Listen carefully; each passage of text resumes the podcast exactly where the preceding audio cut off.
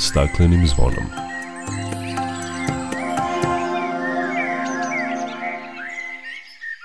Dobar dan i dobrodošli na Zeleni talas prvog programa radija Radio Televizije Vojvodine. Ja sam Dragana Ratković. U egipatskom odmaralištu Sharm el Sheikhu od 6. do 18. novembra održava se konferencija o klimatskim promenama COP27. Čućete o čemu se razgovara na konferenciji i koliko je učešće na skupu važno za Srbiju u daljoj borbi protiv klimatskih promena. Govorit ćemo o tome šta se radi na upravljanju otpadom kod nas, imali pomaka i šta nedostaje, o novom predloženom području za zaštitu u Banatu, doline kod Padine, kao i o akciji pošumljavanja Srbija sadi u Rumi i Sremskoj Mitrovici. Toliko u najavi, o svemu opširnije nakon pozdravne pesme. Dok priroda kraj nas plače Za vladarskim svojim tronom Tužno vele narikače Pod staklenim smo zvonom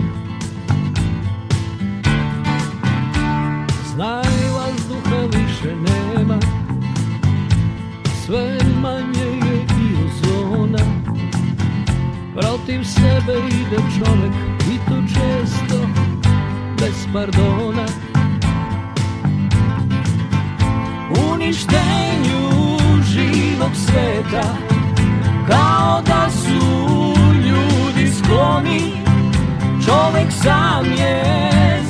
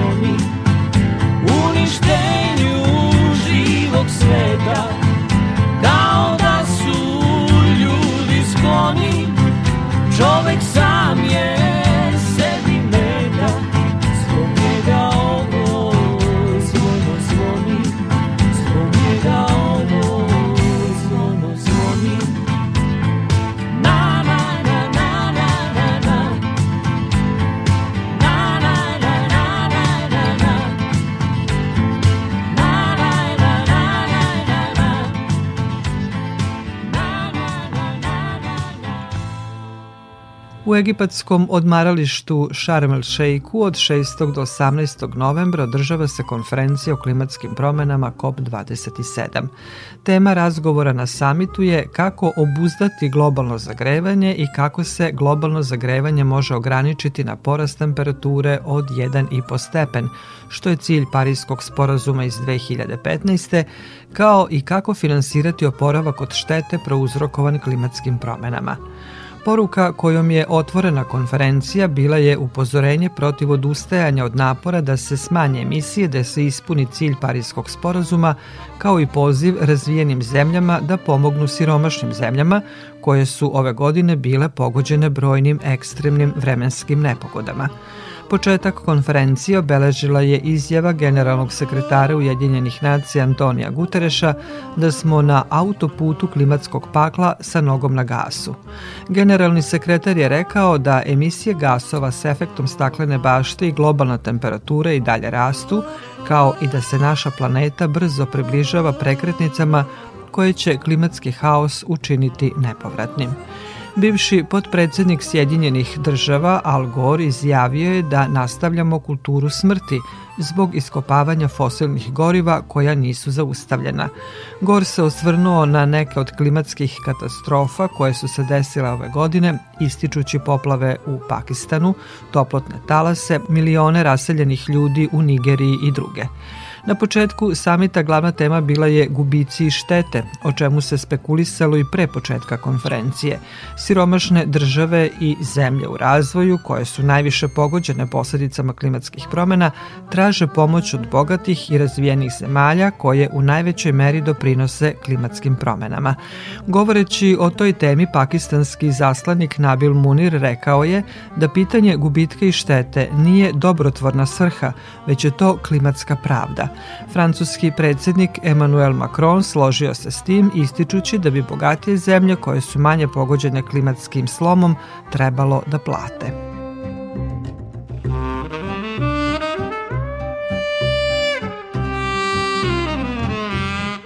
Na samitu o klimi učestvuju predstavnici više od 130 zemalja, među kojima je i Srbija.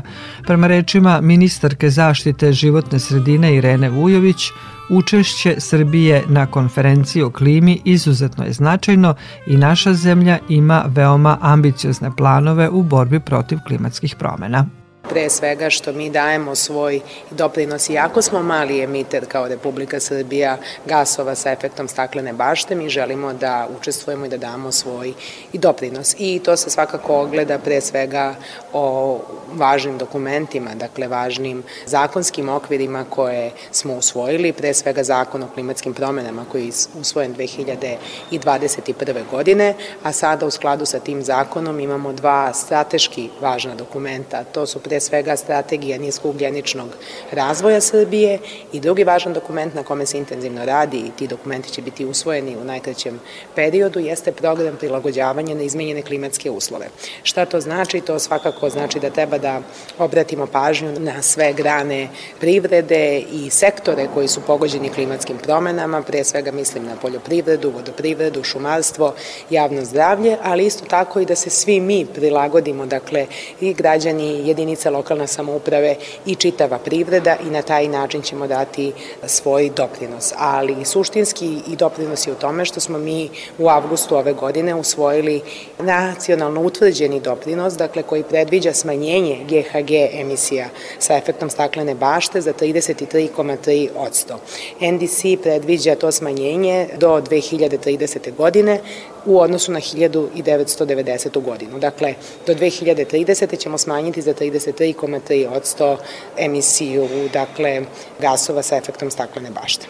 Ministarka dodaje da je za Srbiju važno što će učestvovati u završnim zaključcima samita COP27 jer će uvideti šta je to čemu će svet težiti u domenu borbe protiv klimatskih promena. Mi ćemo se truditi da to prilagodimo, a ono što je važno jeste da je vizija Srbije da budemo klimatski neutralno društvo, da što više pažnje posvetimo našoj ekonomiji upravo kako bi bila konkurentna i svakako da su nam svi ti zaključci koji će biti donešeni važni baš iz razloga i programa prilagođavanja i svih tih strategija, zato što upravo zahvaljujući i tim samitima se menjaju nekada ciljevi, a mi smo tu da ih pratimo.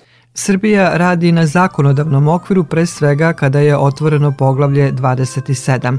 U skladu s tim imamo i dodatnu obavezu da sve dokumente usklađujemo s politikom Evropske unije po pitanju klimatskih promena i radimo na tome da prilagodimo nacionalni zakonodavni okvir evropskim direktivama Evropske unije o klimatskim promenama, ali i ostalim pitanjima koje se odnose na zaštitu životne sredine, kaže ministarka Vujović. Imamo evropski projekat Evropska unija za zelenu agendu, dakle poštujemo ciljeve zelene agende, dakle i Sofijske deklaracije koje smo potpisali. Po stubovima zelene agende, dakle trudimo se da ispunimo e, sve naše obaveze, u tome nam pomažu i evropski partneri, naravno imamo i dodatna sredstva od e, Kraljevine Švedske, od Konfederacije Švajcarske, ja sam im na tome izuzetno zahvalna, jer upravo su to programi koji e, služe i privredi i lokalnim samopravima samoupravama da vidimo kako da se prilagodimo na izmenjene klimatske uslove i naravno da su nam to e, ciljevi da realizujemo sve te projekte. Kada je reč o zaštiti životne sredine, ministarka ističe da je u središtu pažnje resornog ministarstva smanjenje aerozagađenja, sanacija otpadnih voda i otpada i da će nastaviti da sprovodi projekte izgradnje reciklažnih centara i postrojenja za preradu otpadnih voda.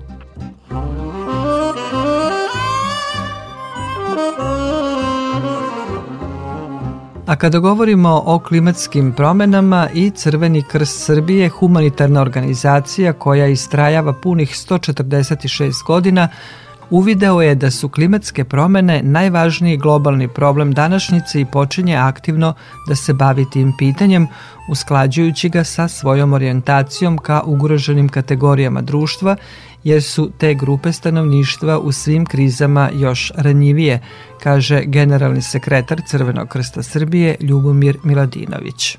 Globalno i problem današnjeg društva jesu klimatske promene, ali one nisu zapravo počele danas. To je jedan proces koji već dugo traje i koji zapravo a, nas prosto stavlja pred ozbiljne zadatke kako da se suočimo sa njim, kako da naučimo da živimo sa tim problemom, ali i kako da umanjimo posledice koje on proizvodi. Dakle, prema određenim istraživanjima Međunarodne federacije Crvenog krsta, ako se sa ovim nivom zagrevanja, globalnog zagrevanja nastavi do 2050. godine, godine, samo taj uzrok promena u svetu će proizvoditi oko 200 miliona ljudi u stalnoj humanitarnoj potrebi. Naravno i mi u Srbiji na čitavom ovom prostoru Zapadnog Balkana imamo slične probleme i slične situacije jer se poplave, suše i svake druge vrste tih promena koje nastaju klimatskim promenama zapravo održavaju na život i to prvenstveno na život onih najugroženijih kategorija. Crveni krst Srbije počinje najpre sa sa onim što e, je naš standardni pristup, a to je podizanje nivoa svesti. Rad sa mladima, jednostavno jedna informacija, jedno obrazovanje o problemu sa kojim se suočavamo. Ali isto tako ćemo se posvetiti i konkretnim aktivnostima da ćemo smanjiti u našoj upotrebi plastiku za jednokratnu upotrebu, da ćemo nastojati da smanjimo emisiju štetnih gasova e, u našim vozilima, odnosno od strane naših vozila, da ćemo kontrolisati korišćenje otpada otpada, dakle da ćemo na svaki mogući način pokušati da tome doprinesemo. Čak nas je i korona naučila da su online sastanci dobri da se smanje potrošnja energije koja je veoma dragocena u ovim okolnostima.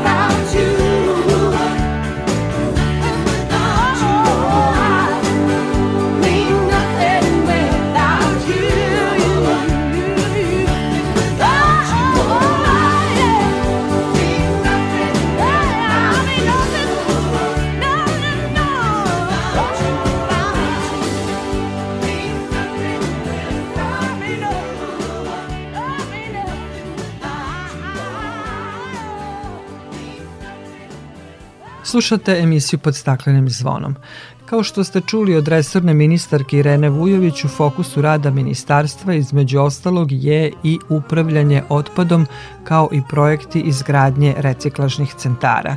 Napravljen je mali pomak u toj oblasti, ali mora još mnogo da se radi, kaže ekspertkinja za otpad Kristina Cvejanov. Ono što je definitivno dobro, to je da je u toku zapravo ili priprema ili su već u realizaciji projekti usmereni na izgradnju regionalnih sanitarnih deponija, uglavnom ili kroz e, kreditne linije u ili e, Republike Kine.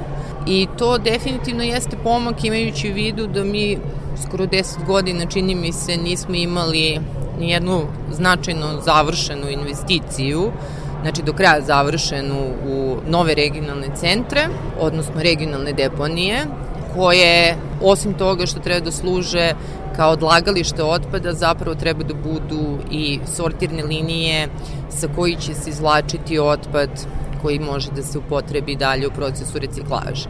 Ono što nije dobro, to je da zapravo izostaje sistemski pristup i da suštinski imamo jedan dugačak period u kome se nije radilo na unapređenju regulative. Naši zakoni su doneti 2009. godine, prvenstveno zakon o upravljanju otpadom, zakon o ambalaži i negde je očekivano da ministarstvo u novom sazivu u naredne četiri godine zapravo otvori ove zakone i da se naprave značajni pomaci u smislu kreiranja jednog povoljnijeg ambijenta za upravljanje otpadom. Međutim, ono gde nismo napravili veliki pomak jeste da zapravo organizujemo tržište otpada na način da možemo da izlačimo na regionalnim centrima i sortirnim linijama koji će biti deo ovih regionalnih centara i deponija otpad za ponovno upotrebu bilo za dobijanje energije ili za dobijanje proizvoda. Znači mi već godinama unazad u suštini nemamo značajan rast upotrebe materijala iz komunalnog otpada, to je onaj kant iz domaćinstva koju mi svi prepoznajemo i znamo šta je u njoj i faktički jedino što recikliramo iz te naše kante su pet limenke staklena ambalaža, a svi drugi materijali završavaju uglavnom odloženi na deponiji. Zbog čega se to dešava? Iz tog razloga što za pojedine materijale ili ne postoje tretmani reciklaže ili je sakupljanje suviše komplikovano ili skupo da bi uopšte se neko time bavio. U ovoj kategoriji su često plastični otpadi, odnosno ambalaža od plastike, pa je tako interesantno da kad pogledate našu kantu i odvojite neki 12 kategorija različite plastične ambalaže, zapravo se u praksi samo dve recikliraju i mogu da se recikliraju u Srbiji, a ovi drugih 10 nema trenutno tretman koji bi omogućio da od njih dobijemo novi proizvod. To znači da je nužno da bi smanjili otpad odložene deponije, da se pozabavimo ekonomijom otpada, da omogućimo komunalnim preduzećima da ovaj otpad izdvajaju i da pokriju svoj trošak, što u postojićim uslovima nije izvodljivo. Iz tog razloga jako je važno da u naredne četiri godine promislimo dobro eh, da izmenama zakona o naknadama za korišćenje javnih dobara uvedemo neku vrstu ekološke takse za odlaganje otpada na deponije po uzoru na Evropsku uniju, a da onda iz tih sredstava namenski finansiramo izvlačenje ovih otpada na sortirnim linijama i tretman bilo u postrojenjima za dobijanje energije, bilo u postrojenjima koja od ovog materijala mogu da naprave novi proizvod. Da li bi to onda ujedno i bio zamejac za cirkularnu ekonomiju o kojoj toliko pričamo, a još uvek možemo reći stapkamo u mestu? Apsolutno. Ono što mislim da je suštinski problem, kad pričamo o cirkularnoj ekonomiji, mi uvijek podrazumevamo da otpad koji se odvoji ima pozitivnu vrednost, znači da je dovoljno sakupiti ga i prodati, pokriti sve troškove i zaraditi, bilo da se bavite sakupljanjem ili preradom. U praksi to nije tako. U Evropskoj uniji cirkularna ekonomija funkcioniše jer je e, faktički uspostavljen sistem bilo kroz ekološke takse ili tržišno, da je odlaganje otpada na deponije najskuplja opcija. Pa onda proizvođači imaju motiv bilo da plate da se njihov otpad sakupi i tretira ili da menjaju ekodizajn proizvoda da bi omogućili reciklažu u slučaju da ona u postojićim uslovima nije moguća. U Srbiji kada vam je najisplativije zapravo otpad odložiti na deponije, nedostaje motiv, nedostaje finansijski motiv da se suštinski ovi principi primene i rezultat je ono što možemo da vidimo u životnoj sredini, ogromne količine otpada koje završavaju u prirodi, a onda naravno ulaze i u lanac ishrane i na kraju utiču i na zdravlje ljudi.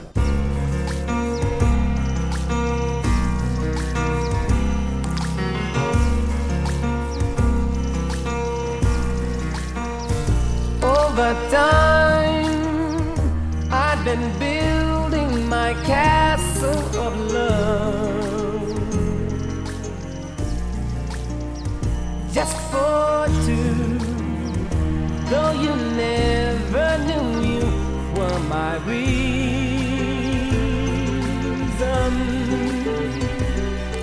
I've gone much too far for you now to say that I've got to throw my castle away over dreams.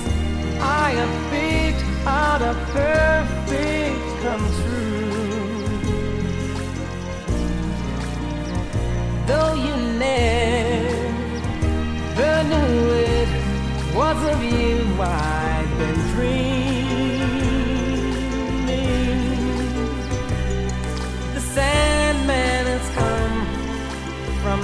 Far away for you to say come back some other day. And though you don't believe that they do, they do come true. For did my dreams come true when I looked at you? And maybe too if you would believe, you too might be overjoyed,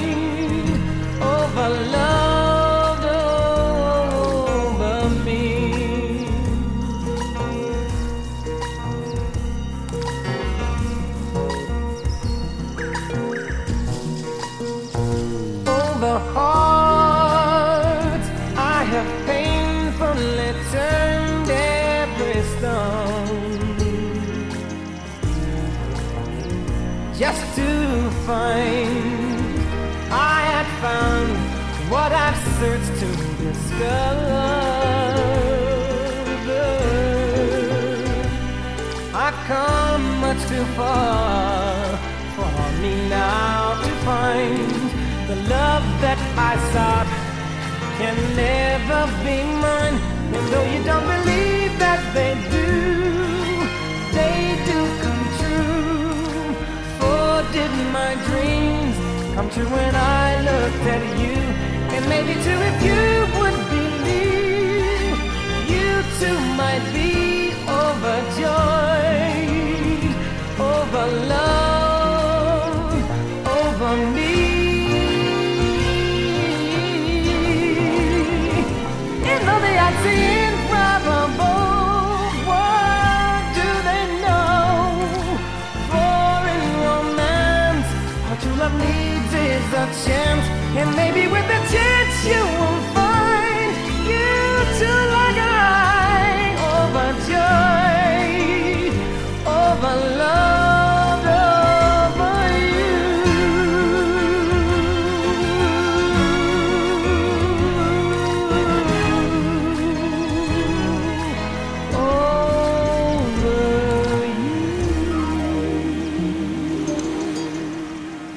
Slušate emisiju pod staklenim zvonom. Pokrajinski zavod za zaštitu prirode izradio je studiju zaštite kao predlog za uspostavljanje novog zaštićenog područja doline kod Padine, koje se nalazi u Banatu kod naselja Padina u opštini Kovačica. Šta je bilo opredeljujuće da se izradi studija zaštite i to područje predloži za zaštitu, pitala sam stručnjaka za zaštitu prirode u Pokrajinskom zavodu za zaštitu prirode Slobodana Puzavića. Opredeljujuće je bilo to što smo prvo i sami ranije bili svesni da je taj prostor tih e, stepskih dolina na lesu u tom delu Banata kod Padine izuzetno vredan i mi smo i ranije izdvojili neka staništa na tim lokalitetima kao prostor gde žive neke redke divlje vrste biljaka i životinja u skladu sa jednim pravilnikom koji to reguliše. Znači, već smo imali ranije viziju da to nešto vredi. Ali nismo imali vremena, prosto mali prostor i prilično izduženi, da detaljno to istražujemo, zato što smo po programu imali neke druge lokalitete da radimo mnogo većih površina. I onda praktično krajem 2017. godine su nam se obratili građani Padine, kroz, organizovani kroz nekoliko udruženja, pre svega kroz jedno udruženje koje se skraćeno zove EKOP, gde su molili da dođemo i da pomognemo njima da sačuvaju te jedinstvene doline, ta travna staništa, zato što imaju problema sa nekim ljudima koji imaju okolo njive, pa ulaze traktorima i preoravaju ta staništa, presjecaju te doline, koriste hemiju i tako dalje i tako dalje. Mi smo početkom 2018. godine sa pokrajinskom inspekcijom postupali, videli šta je tamo problem, upoznali te ljude, videli koliko je njihova želja i volja da to čuvaju, da se time bave i odlučili smo da i mi pomognemo i da uvrstimo naš program e, ozbiljniju valorizaciju tog prostora, da izradimo studiju zaštite i da tu studiju onda ponudimo određenom organu da je dalje procesuira, odnosno da proglasi to zaštićeno područje i tako je došlo sada do ove faze da imamo studiju kao predlog zaštite specijalnog rezervata prirode Doline kod Padine, koja je prve kategorije predata nadležnom ministarstvu životne sredine, koje je na svojoj web prezentaciji objavilo pokretanje postupka. Samim tim područje se sada smatra zaštićenim po zakonu, primenjuju se mere iz naše studije, ali još uvek hvali jedan važan korak, a to je da vlada Republike Srbije nakon javnog uvida javne rasprave i svega ostalog donese akt o zaštiti, time bi se proglasio i upravljač, donao bi se program upravljanja, onda je to pravi sistem upravljanja nekim zaštićenim prirodnim dobrom. Koje su prirodne odlike ovog područja koje su verifikovane i zbog kojih je ovo područje proglašeno za specijalni rezervat prirode prve kategorije? Pre svega jedinstvenost biodiverziteta, znači prilično mali prostor preostalih tih očuvanih dolina od nekih 140 hektara, to je u odnosu na Delbarsku peščaru koja ima 36.000 hektara, ili u odnosu na Frušu goru koja ima 26.000 hektara pod zaštitom, znači to je stvarno 140 hektara, ali na tako malom prostoru koncentrisane izuzetne vrednosti. Znači, mnogo vrsta životinja i biljaka koje su od izuzetnog nacionalnog, a neki od međunarodnog, čak i svetskog značaja. Znači imamo među pticama čak sedam vrsta ptica koje žive tu a od svetskog su značaja što se tiče vrednosti i ugroženosti. Imamo 10 vrsta ptica koje žive tu, a koje su od izuzetnog nacionalnog značaja jer su na crvenoj knjizi ptica Srbije. Takođe imamo i nekoliko vrsta biljaka koje praktično samo tu i još na možda jedan, dva lokaliteta u Vojvodini u Srbiji ili je tu najveća populacija u Srbiji na tako malom prostoru koje moramo apsolutno da čuvamo i da se o njima brinemo i Kada je malo zagrebano što se tiče beskičmenjaka, tu inače videli smo velika populacija jednog veoma redkog skakavca, panonskog skakavca, ali kad smo malo zagrebali u saradnji sa nekim e, istraživačima, pa se malo proučila, na primjer, fauna noćnih leptira, nađeno je za godinu dana tri nove vrste noćnih leptira za celu Srbiju. Možete misliti kad bi se to detaljnije radilo šta bi se sve tamo još moglo naći. U svakom slučaju i ovo što smo do sada proučili jasno je sugerisalo da je taj prostor, bez obzira što je tako relativno mali, od izuzetnog značaja za očuvanje biodiverziteta. I to je opredelilo da bude specijalni rezervat prirode. A drugo, ovaj, i ta jedinstvena staništa, odnosno te stepske doline na lesu, su vrlo redke u Srbiji, a tu su najreprezentativnije najočuvanije. I to je bio, znači, taj ekosistemski aspekt bitan za određivanje kategorije zaštite. I treće, to je sad malo predelni aspekt, utvrdili smo da je ta dolina, Alaška dolina, koja ima dužinu od 7 km i 200 metara u kontinuitetu, najduža i najočuvanija stepska dolina na lesu u celoj državi. Prema tome, to su neki rariteti koji zaista nisu mogli da se ne uzmu u obzir i zato je odlučeno u skladu sa zakonom i propozicijama IUCN-a, Svetske unije za zaštitu prirode, da je najbolje da to bude područje prve kategorije u državi, specijalni rezervat prirode i da je osnovna namena prostora specijalno upravljanje redkim vrstama i njihovim staništima. Ali poštujući tradiciju ljude koji tamo žive, koji taj prostor tradicionalno koriste za napasanje stoke, za košenje trave, za zimsku prihranu stoke, za pčelarenje, pa čak i neki lovci koji tamo imaju neke svoje lovne rezervate i drugi, znači svi su dobrodošli ako se ponašaju u skladu sa prirodom, uglavnom većina se i do sada tako ponašala, jer e, svi zajedno zaista možemo najviše da doprinesemo da taj prostor i dalje bude tako lep i očuvan kao što je sada. Rekli ste da upravo zahvaljujući stanovnicima Padine i nevladinim organizacijama vi ste se malo više pozabavili ovim područjem što je rezultiralo izradom studije zaštite. Koliko je važna ta saradnja sa lokalnim stanovništvom?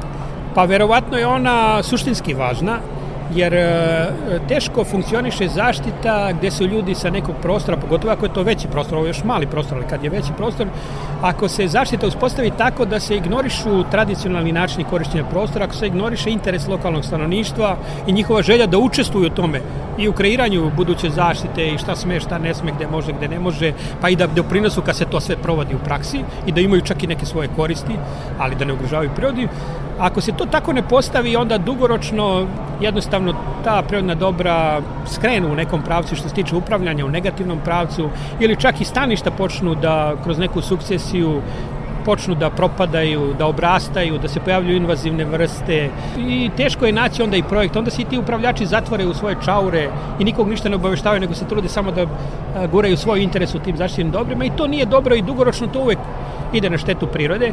Najbolje je kad se odrede od kvalitetni upravljači tih e, zaštićenih područja i kad ti upravljači dobro rade sa lokalnim stanovništvom, rade zajedno, onda je uz našu pomoć apsolutno zagarantovano da će ta prirodna dobra dobro da funkcionišu i ne samo da se očuva ono što vredi tamo, nego da se u mnogim slučajima čak i unapredi. Da li imate u planu još neku studiju zaštite nekog područja u Vojvodini? Pa radi se veliki broj uh, novih studija, radi se i revizije nekih ranijih zaštićenih područja, tako da Zavod radi po svom programu rada za narednih 10 godina i svake godine teku poslovi valorizacije približno 6, 7, 8 u nekim godinama čak i 9 područja vezano i za uspostavljanje e, novih zaštitnih područja ili za reviziju ranijih zaštićenih područja tako da taj posao teče kontinuirano i cilj je u stvari da se mreža zaštićenih područja u Vojvodini u narednom periodu podigne na onih projektovanih 12 do 14% što u Vojvodini, što na nivou Republike Srbije. Nadamo se da će to uskoro i biti. Hvala lepo. Hvala.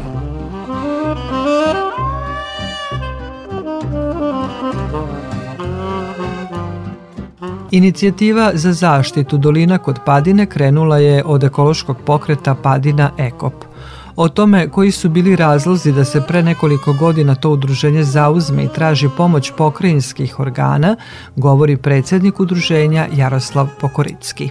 Kao prvo inicirali smo za, za zaštitu, zbog toga krenulo je u stvari uništavanja tih dolina. Krenulo je sa oranjem i jednostavno su te doline počele da nestaju. Prvo maku nismo znali na koji način to sve može da se zaustavi ili da se spreči, pošto smo funkcionisali kao nevladina organizacija i nismo imali, kao što i većina udruženja, nema potporu od inspekcijskog nadzora ili, ili, ili nekih organa koji bi u stvari tako neke probleme trebali da rešavaju, morali smo sami da vidimo na koji način ćemo to kao prvo zaustaviti da bi se to koliko toliko moglo da, da se rehabilituje. Jednostavno nismo imali kut, morali smo da, da krenemo jedan korak dalje i da od lokala krenemo na pokrajinu pa da vidimo da li tu možemo da rešimo probleme i mislim da smo uspeli to sa pokrajinskim Zavodom za zaštitu prirode i sa pokrajinskim sekretarijatom da pokrenemo tu inicijativu da se prvo uzurpatori pomere sa tih travnih staništa i jednom za uvek, da, što se kaže, da, da, da se zaustavi ta, ta uzurpacija. I to je krenulo 2018. Kad je došao zavod na teren, videli su šta imamo tu i jednostavno sve je vodilo jedno ka drugome i eto, došli smo do toga da je i studiju sad ministarstvo proglasilo i objavilo na sajtu, tako da već krećemo sa nekim konkretnim koracima što se tiče i unapređenja, pošto ima posla mnogo i ovo je samo jedan mali deo i kad se proglasi neko zaštićeno stanište ili specijalni rezerva kao u ovom slučaju, to jeste na papiru, ali u praksi je totalno drugačija slika. Koliko ste spremni da pomognete i učestvujete u tome da se zaista ovo područje zaštiti i unapredi? Pa Eko funkcioniše već 10 godina u lokalu, da tako kažemo, u Padijskoj katastarskoj opštini i ovo je jedan od primarnih projekata koje smo radili, a što se tiče same zaštite, naravno da ćemo tu da budemo uvek kao i da sad i na terenu i da se edukuje i da se cela, cela priča jednostavno podigne na viši nivo. Problem je taj što, što svi kad gledaju da se neko, neko područje zaštiti ili kad se i proglasi neka zaštita, mora konstantno da se radi sa ljudima. Mora ljudska svest da se podigne na taj nivo da bi se to područje u stvari sačuvalo ili da jednostavno prestane da se uzurpira i da se odgovorno koristi, a, a to je veći problem nego sama zaštita. Sa ljudima i sa edukacijama to tu treba najviše da se obrati pažnja. A obično i najveći problem kada neko područje treba da se stavi pod zaštitu je otpor lokalnog stanovništva koji ne žele da se zaštiti jer misle da tu neće više obavljati nikakve aktivnosti. To se dešava baš zbog toga što nisu dovoljno informisani kao prvo ili nisu, nije jednostavno dobro napravljena priča kako će to područje da se koristi. Čime se, ste se bavili u proteklih 10 godina? Organizacija se zove Ekološki pokret Padina Ekop. Bavimo se naravno zaštitom unapređenjem životne sredine.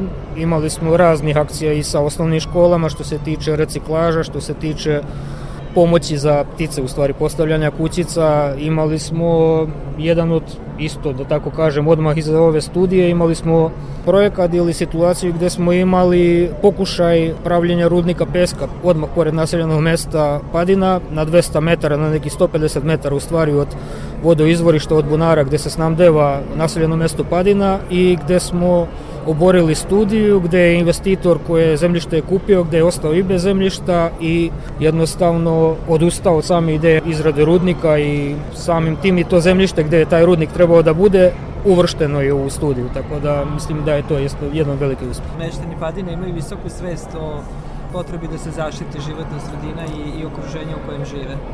Naravno, samim tim što nas i podržavaju i može da se vidi baš na tom rudniku peska organizovali smo peticiju. Naseljeno mesto Padina nema kao pre mnogo meštana, ali ovaj napravili smo peticiju gde smo imali 2666 potpisa, što je više od 55% punoletnih ljudi, tako da taj procenat može za razne svrhe da se koristi, ali jednostavno videli smo da ljudi imaju sve sprema tomu i da jednostavno ne žele im se unaštava priroda i, i same njene vrednosti.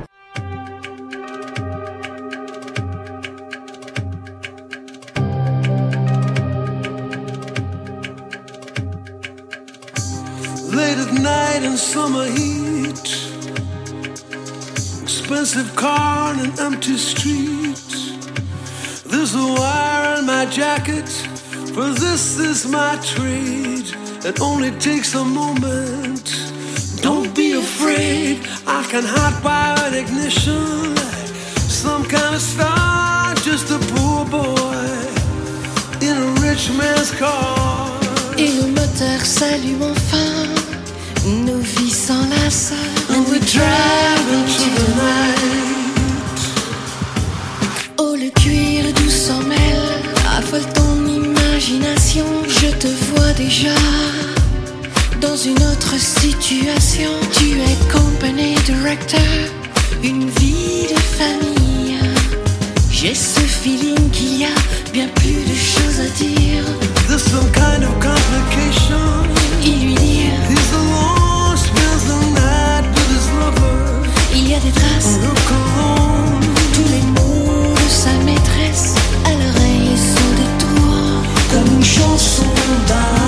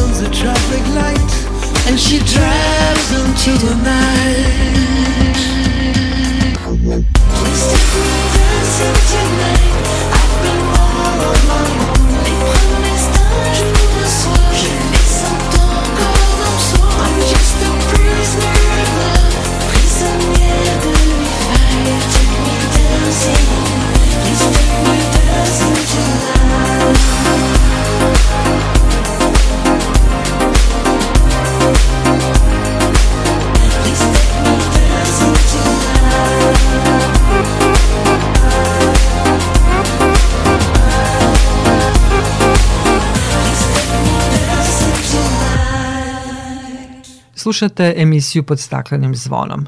Akcija pošumljavanja Srbija Sadi počela je u više od 30 opština, a ministarka zaštite životne sredine Irena Vujović prisustvovala je početku sadnje u Rumi u park šumi Borkovac, koja će biti obogaćena za 935 novih stabala. O tome Milena Bošović. U preko 30 opština širom Srbije počela je velika akcija pošumljavanja, istakla je ministarka zaštite životne sredine Irena Vujović. Ministarka je tom prilikom istakla da je Ruma imala kvalitetne projekte koje se odnose na zaštitu životne sredine, ali i da je ova lokacija samo jedan deo onoga što će se pošumljavati u Rumi. Izuzetno mi je drago što se nalazim na teritoriji opštine Ruma, koja je u prethodnom periodu, evo i sad se pokazala kao izuzetan partner Ministarstva zaštite životne sredine. Dakle, hvala predsednici opštine što je imala kvalitetne projekte da kandiduje koji se odnose na zaštitu životne sredine i zato smo ovde. Ovo je dakle samo jedan deo onoga što će se pošumljavati u Rumi. Dakle, imamo još dve lokacije, putni pojas Žarkovac, e, dakle i Žarkovac Putinci. Takođe, dakle, 4000 sadnica će biti posađeno. Park šuma Borkovac u Rumi bogatija je za preko 900 novih sadnica, nekoliko vrsta autohtonih sorti. Zahvaljujući velikoj podršci Ministarstva zaštite životne sredine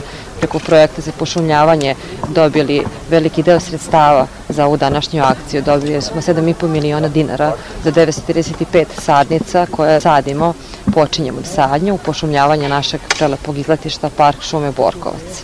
Opština Ruma je učestvovala sa 2,5 miliona dinara. Paralelno sa ovom lokacijom nastavlja se akcija pošumljavanja prema putnom pravcu od Žarkovca do Putinaca i prema jezeru Dobrodol, za što je opština Ruma izdvojila 4 miliona dinara.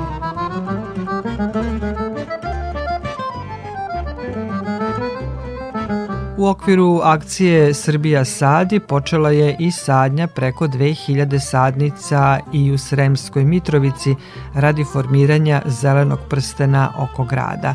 Više o tome Jovana Stupar. Predsednik Skupštine grada Vladimir Pavlović i Sara Pavkov iz Ministarstva zaštite životne sredine posadili su prvu od 2008 sadnica. Planirano je da grad bude opasan zelenim prstenom, a u okviru prve faze, koja je nazvana Velika sadnja, biće zasađeno 1669 sadnica.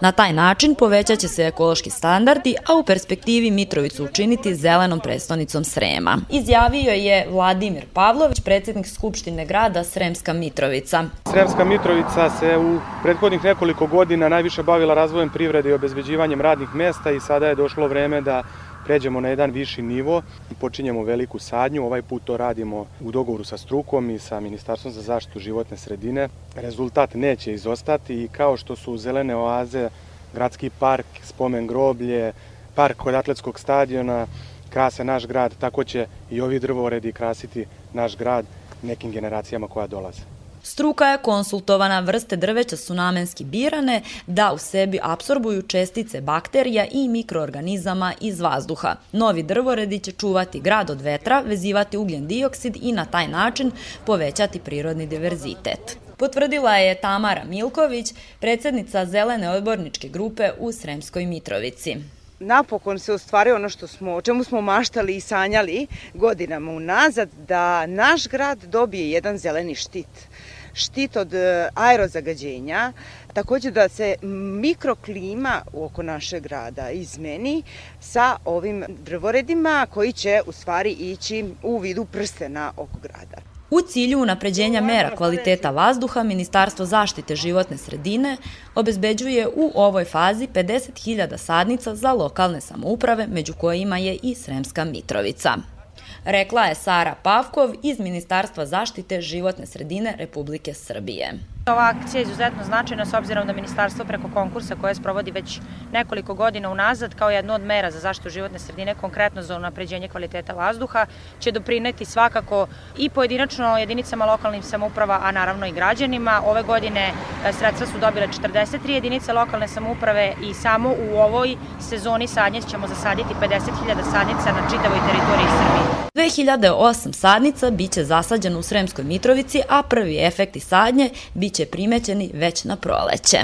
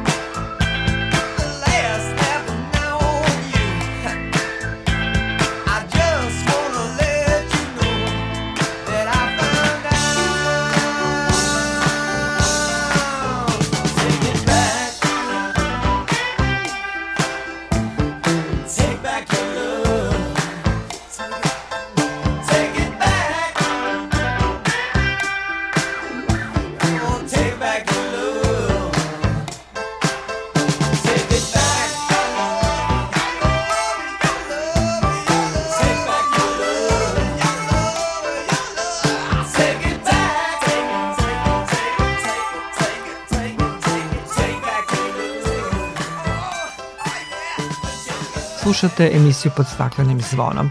Pokret Gorana Kikinde u saradnji sa Kancelarijom za mlade i Visokom školom strukovnih studija za obrazovanje vaspitača u Kikindi organizovao je zeleni kviz Pokaži svetu kako čuvaš planetu. Zanimljivo i edukativno takmičenje za osnovce organizuje se pod pokroviteljstvom Pokrajinskog sekretarijata za sport i omladinu. Više o tome Tatjana Popović. Pravilno razvrstavanje otpada, reciklaža, poznavanje pojmova o životnoj sredini i ulozi čoveka u održavanju i zaštiti životne sredine samo su neke od tema zelenog kviza Pokaži svetu kako čuvaš planetu, organizovanog u Kikindi. U zanimljivim igrama nadmetali su se učenici šestih i sedmih razreda iz deset osnovnih škola iz Kikinde i okolnih mesta. Ja vodim računa da ne bacim smeće na pod, da često štedim energiju kako bi se takođe planeta sačuvala. Pa starije treba opomenuti radi zaštite životne sredine. Razvrstavanje otpada bi trebalo da se pokrene i po školama e, kako bi ih sačuvali ovu našu divnu planetu. Zeleni kviz obuhvata razne praktično oblikovane aktivnosti koje postiču razvoj svesti kod mladih o značaju i mogućnosti očuvanja, racionalnog korišćenja i unapređenja životne sredine, rekla je Nevena Mesaroš-Oličkov iz pokreta Gorana Kikinde. Cilj zelenog kviza jeste da učenici osnovnih škola nauče, ukoliko već do sada nisu, o pravilnom razvrstavanju otpada, o važnosti očuvanja životne sredine, Edukacija kroz igru jedan je od najboljih načina da se i najmlađima približi tema očuvanja životne sredine, naglasila je Miroslava Naranđić, sekretarka Gradskog sekretarijata za zaštitu životne sredine. Ono što je bitno za sve nas jeste da svi mi imamo isti cilj, a cilj je buđenje ekološke svesti građana za različite ciljne grupe, kako za naše najmlađe sugrađane, tako naravno i naših najstarijih sugrađana, znači buđenje ekološke svesti, različitih tema iz oblasti zaštite životne sredine. Svi učesnici kviza dobili su takozvani zeleni voucher, pa će na taj način preuzeti sadnicu kojom će ukrasiti i ozeleniti svoje školsko dvorište. Finalisti će se družiti i na nagradnoj zelenoj ekskurziji. Nakon objavljivanja vesti da je u Sončanskom ataru kod Apatina viđen crni panter, čekala se bilo kakva zvanična potvrda lovaca i nadležnih organa. Javno preduzeće Vojvodina šume, šumska uprava Apatin, obavestila je građane da je predator opasan te da ukoliko neko uoči pantera obavesti nadležnu policiju.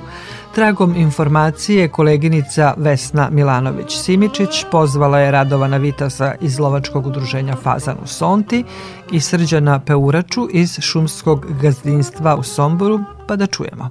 Informacija da se crni panter pojavio u okolini Sonte privukla je veliku pažnju javnosti, iako ga lovci iz lovačkog udruženja Fazan još uvek nisu uočili.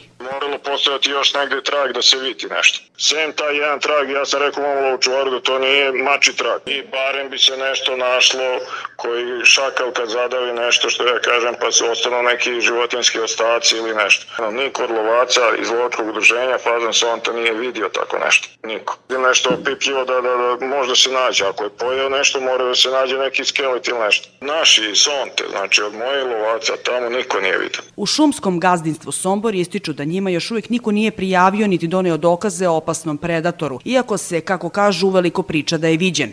Ipak, radi predostrožnosti, oglasili su se saopštenjem u kojem se navodi da građani budu oprezni. Pa nama konkretno niko nije potvrdio da je 100% video Pantera, nego su ljudi kontaktirali nas, da li smo mi nešto videli, mi smo se odlučili na ovaj video forme obaveštenja koja je eksplodirala bukvalno u svim medijima, da ljudi će više boraviti u prirodi sa decom, pčelari, lovci, ribolovci, vikendaši, čisto obrate pažnju ako primete nešto neobično da odmah kontaktiraju nadležnu policijsku upravu. Nadležni apeluju da treba biti na oprezu i da je u narednim danima za očekivati konkretne dokaze o prisustvu ove životinje u okolini Apatina, budući da je ova egzotična životinja veoma opasan predator i mesojed. Toliko u ovom izdanju emisije pod staklenim zvonom koju možete slušati i odloženo na podcastu Radio Televizije Vojvodine na adresi rtv.rs. Na pažnje vam zahvaljuju Violeta Marković, Zoran Gajinov i Dragana Ratković. Naredni susret zakazujemo za sedam dana u isto vreme na zelenom talasu prvog programa radija Radio Televizije Vojvodine.